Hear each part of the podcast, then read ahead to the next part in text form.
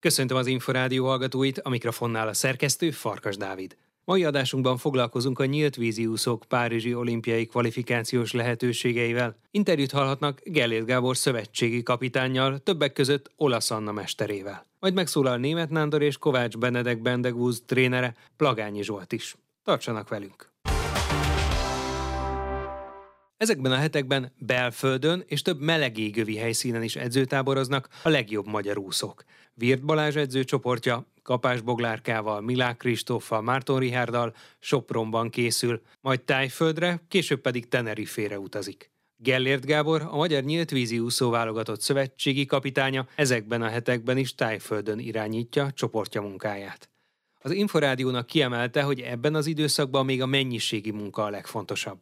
A riporter Kalapos Mihály. A szokásos évelei alapozó edzőtábor, Olasz Anna, Roács Réka és Fádár Nikolett készül velem, és hétvégén érkezik Rassoszki Kristóf, Betlen Dávid és Kovács Csörös Flor edzőjükkel Szokolai Lászlóval és Szabó Gergővel. Ez tulajdonképpen már egy hagyományos helyszín, Tájföld? Hát ez már nagyon régóta. Szerintem már legalább 7-8 éve jár ide a magyar válogatott.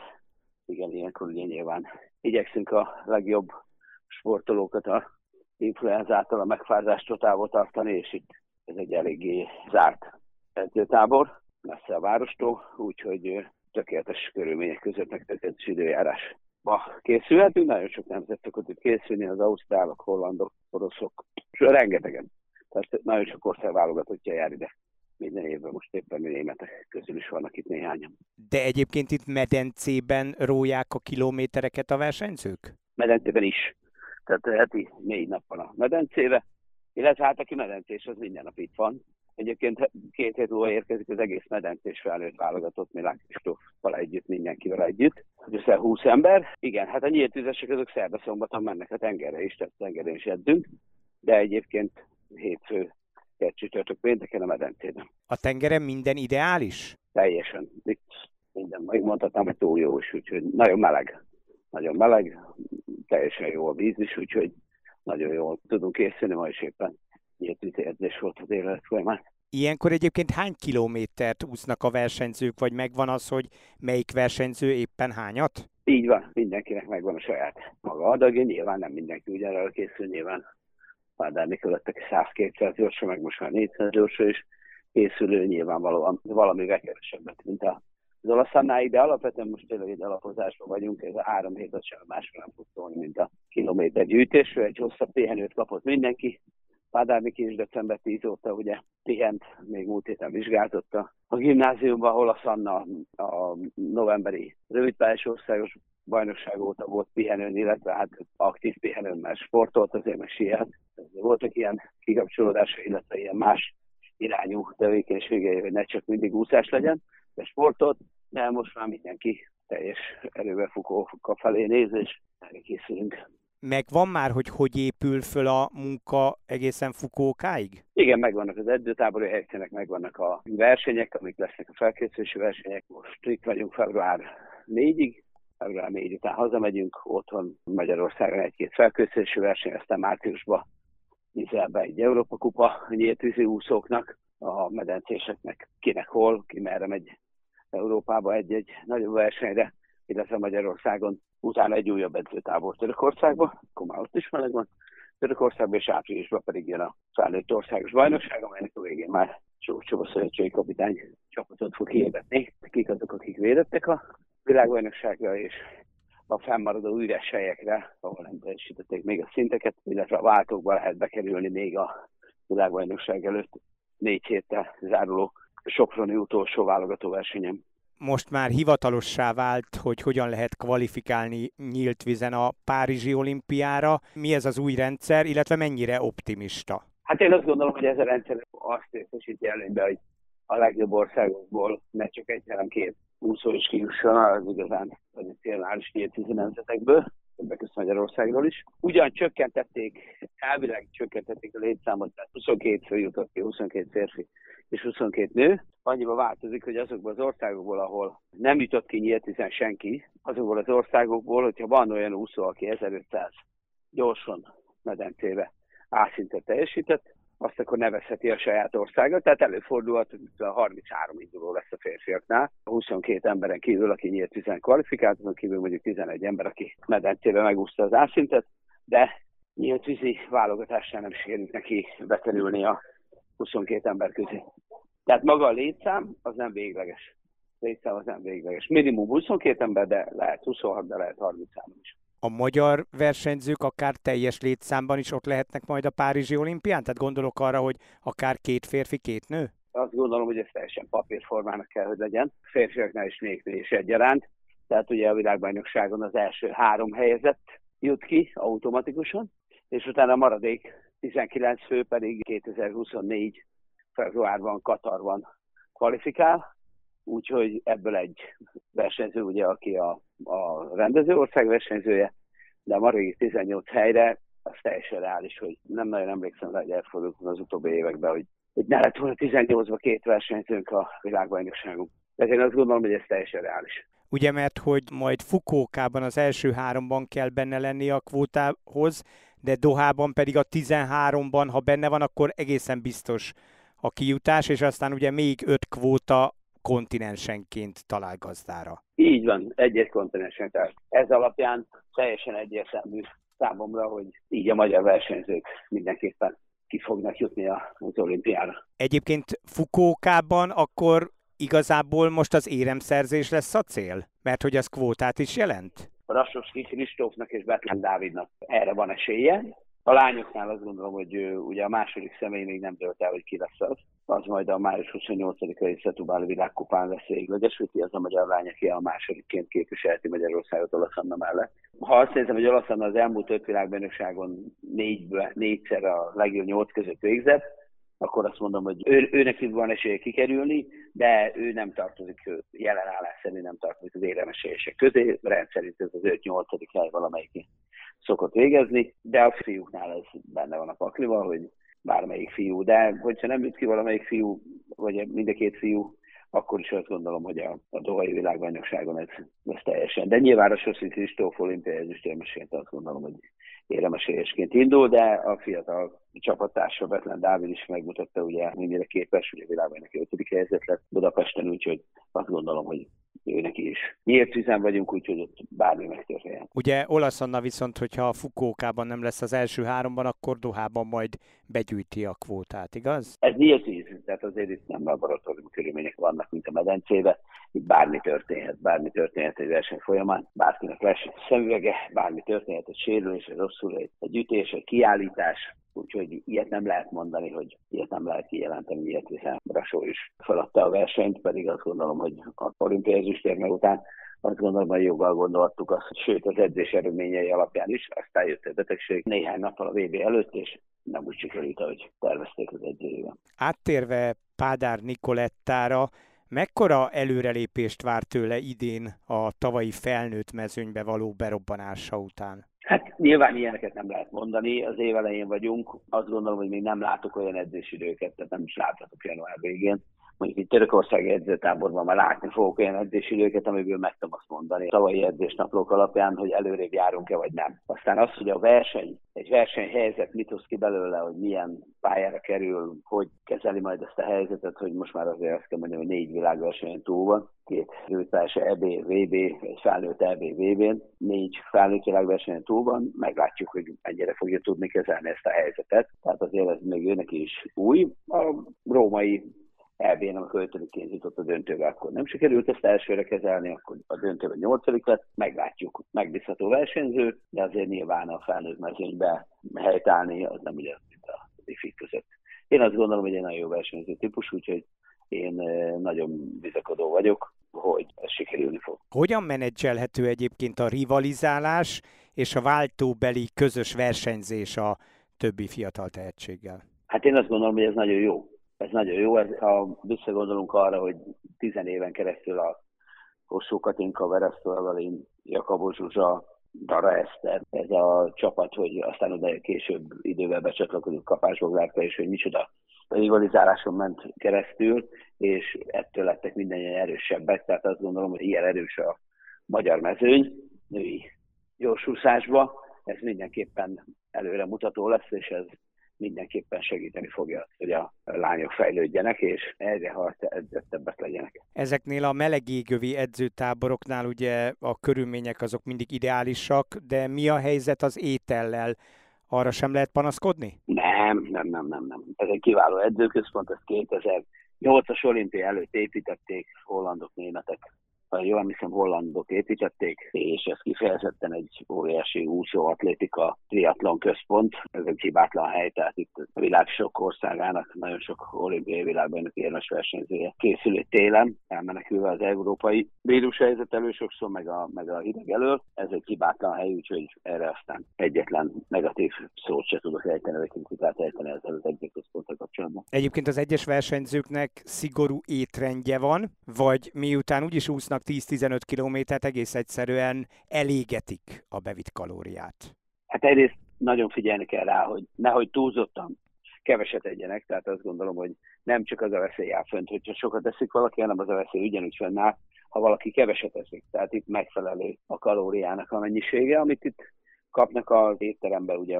tudnak enni, úgyhogy kifejezetten sportolókra vannak ezek az éttermek fölkészülve. Azt gondolom, hogy nagyon sok sportoló egy idő után megtanulja, hogy mit kell, hogy egyen. Nyilván ebbe egy ideig táplálkozási tanácsadó, sok esetben táplálkozási tanácsadó segítségét és igénybe veszik.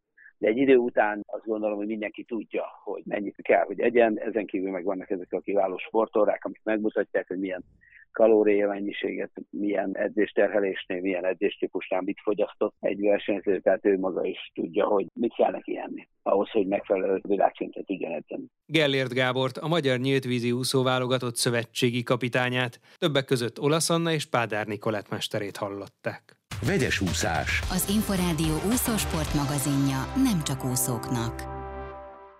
Plagányi Zsolt két tanítványával Törökországban edzőtáborozik. Az edző fájlalja, hogy német Nándor egyelőre nem tarthatott velük, ugyanakkor bízik benne, hogy tanítványa az országos bajnokságra már kiváló állapotban lesz.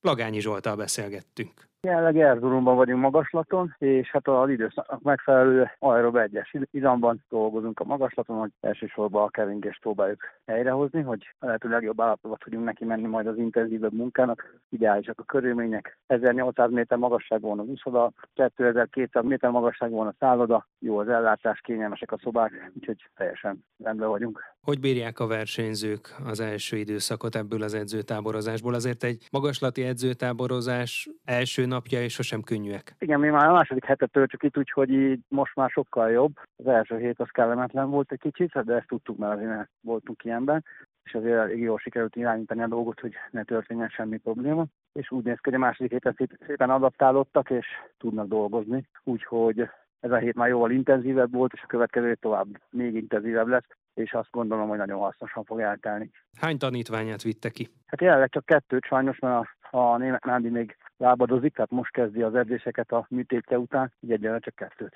Kovács Benedeket, ugye, aki EB is térmes volt 200 háton, most Somában, illetve egy ICI versenyzőt, Kós Olivért, akinek a testvérét ugye azért sokan ismerik Kós Hubertet, aki Európa bajnok volt, hát Oliver még csak fiatalabb, most ICI. Kovács Benedek Bendegúz esetében ugye a tavalyi év áttörést jelentett, a világbajnokságon és az Európa bajnokságon is remekelni tudott. Mennyire tudták átbeszélni, mennyire tiszták a következő időszak feladata, illetve hogy mi mindenben tud még fejlődni? Ezek jó kérdések, eléggé találó. Most olyan nem annyira fiatal versenyzés, most sikerült berobbanni a élvonalba, legalábbis európai szinten, bár azt gondolom, hogy a világbajnoki nyolcadik hely is megsüvegelendő. Tapasztalom is, hogy keresi a helyét, hogy gyakorlatilag mi az, amire képes. Szerintem még jelentősen javulni tud, és előre tud lépni, hogyha a terveink szerint alakulnak a dolgok, és végig tudja végezni azt, azt amit ki tűztünk elé, akkor biztos döntős lehet a világversenyeken. Hány számmal számolnak? Hát a, én, én azt mondom, hogy a 100 háton is odaérhet, ő kevésbé hiszi ezt, de hát azért rajta vagyok. Ezen kívül a 200 hát az a főszáma pillanatnyilag, így ez a kettő jelenleg, ami célkeresztben van. Kós Hubert a vegyes úszásban remekelt az elmúlt időszakban, ő most a tengeren túlon van. Öccse Olivier milyen számokban erős? Ő is leginkább vegyes, ő jóval fejletlen, tehát egy később érő típus, mint a Hubert, úgyhogy ő most szépen lassan szedi magára az izmokat, meg növekszik meg testileg. Főleg a vegyes számokban, de hát ő is ugyanúgy pillangon is jó, háton is jó. A vegyesen belül a mell és a gyorsúszás, ami kevésbé erősen egyelőre, dolgozunk is rajta forgalmasan. Mikorra juthat el a felnőtt válogatottság küszöbéig? Ugye mindig azt mondom erre, hogy a versenyző belső adottságai, képességei döntik el, hogy meddig tud eljutni. Én azt vállalom, hogy a ő által elérhető teljesítményhez optimalizálom a felkészítését. Tehát magyarán kihozom belőle, ami benne van, meglátjuk, mi az, ami benne van. Hát ezt még azért határozottan nem tudom kijelenteni. Nyilván jó gének vannak benne, mert ugye ez bizonyított a bátyja, de hát ugye ez még mindig nem garancia arra, hogy ugyanazt a sikert el tudja érni.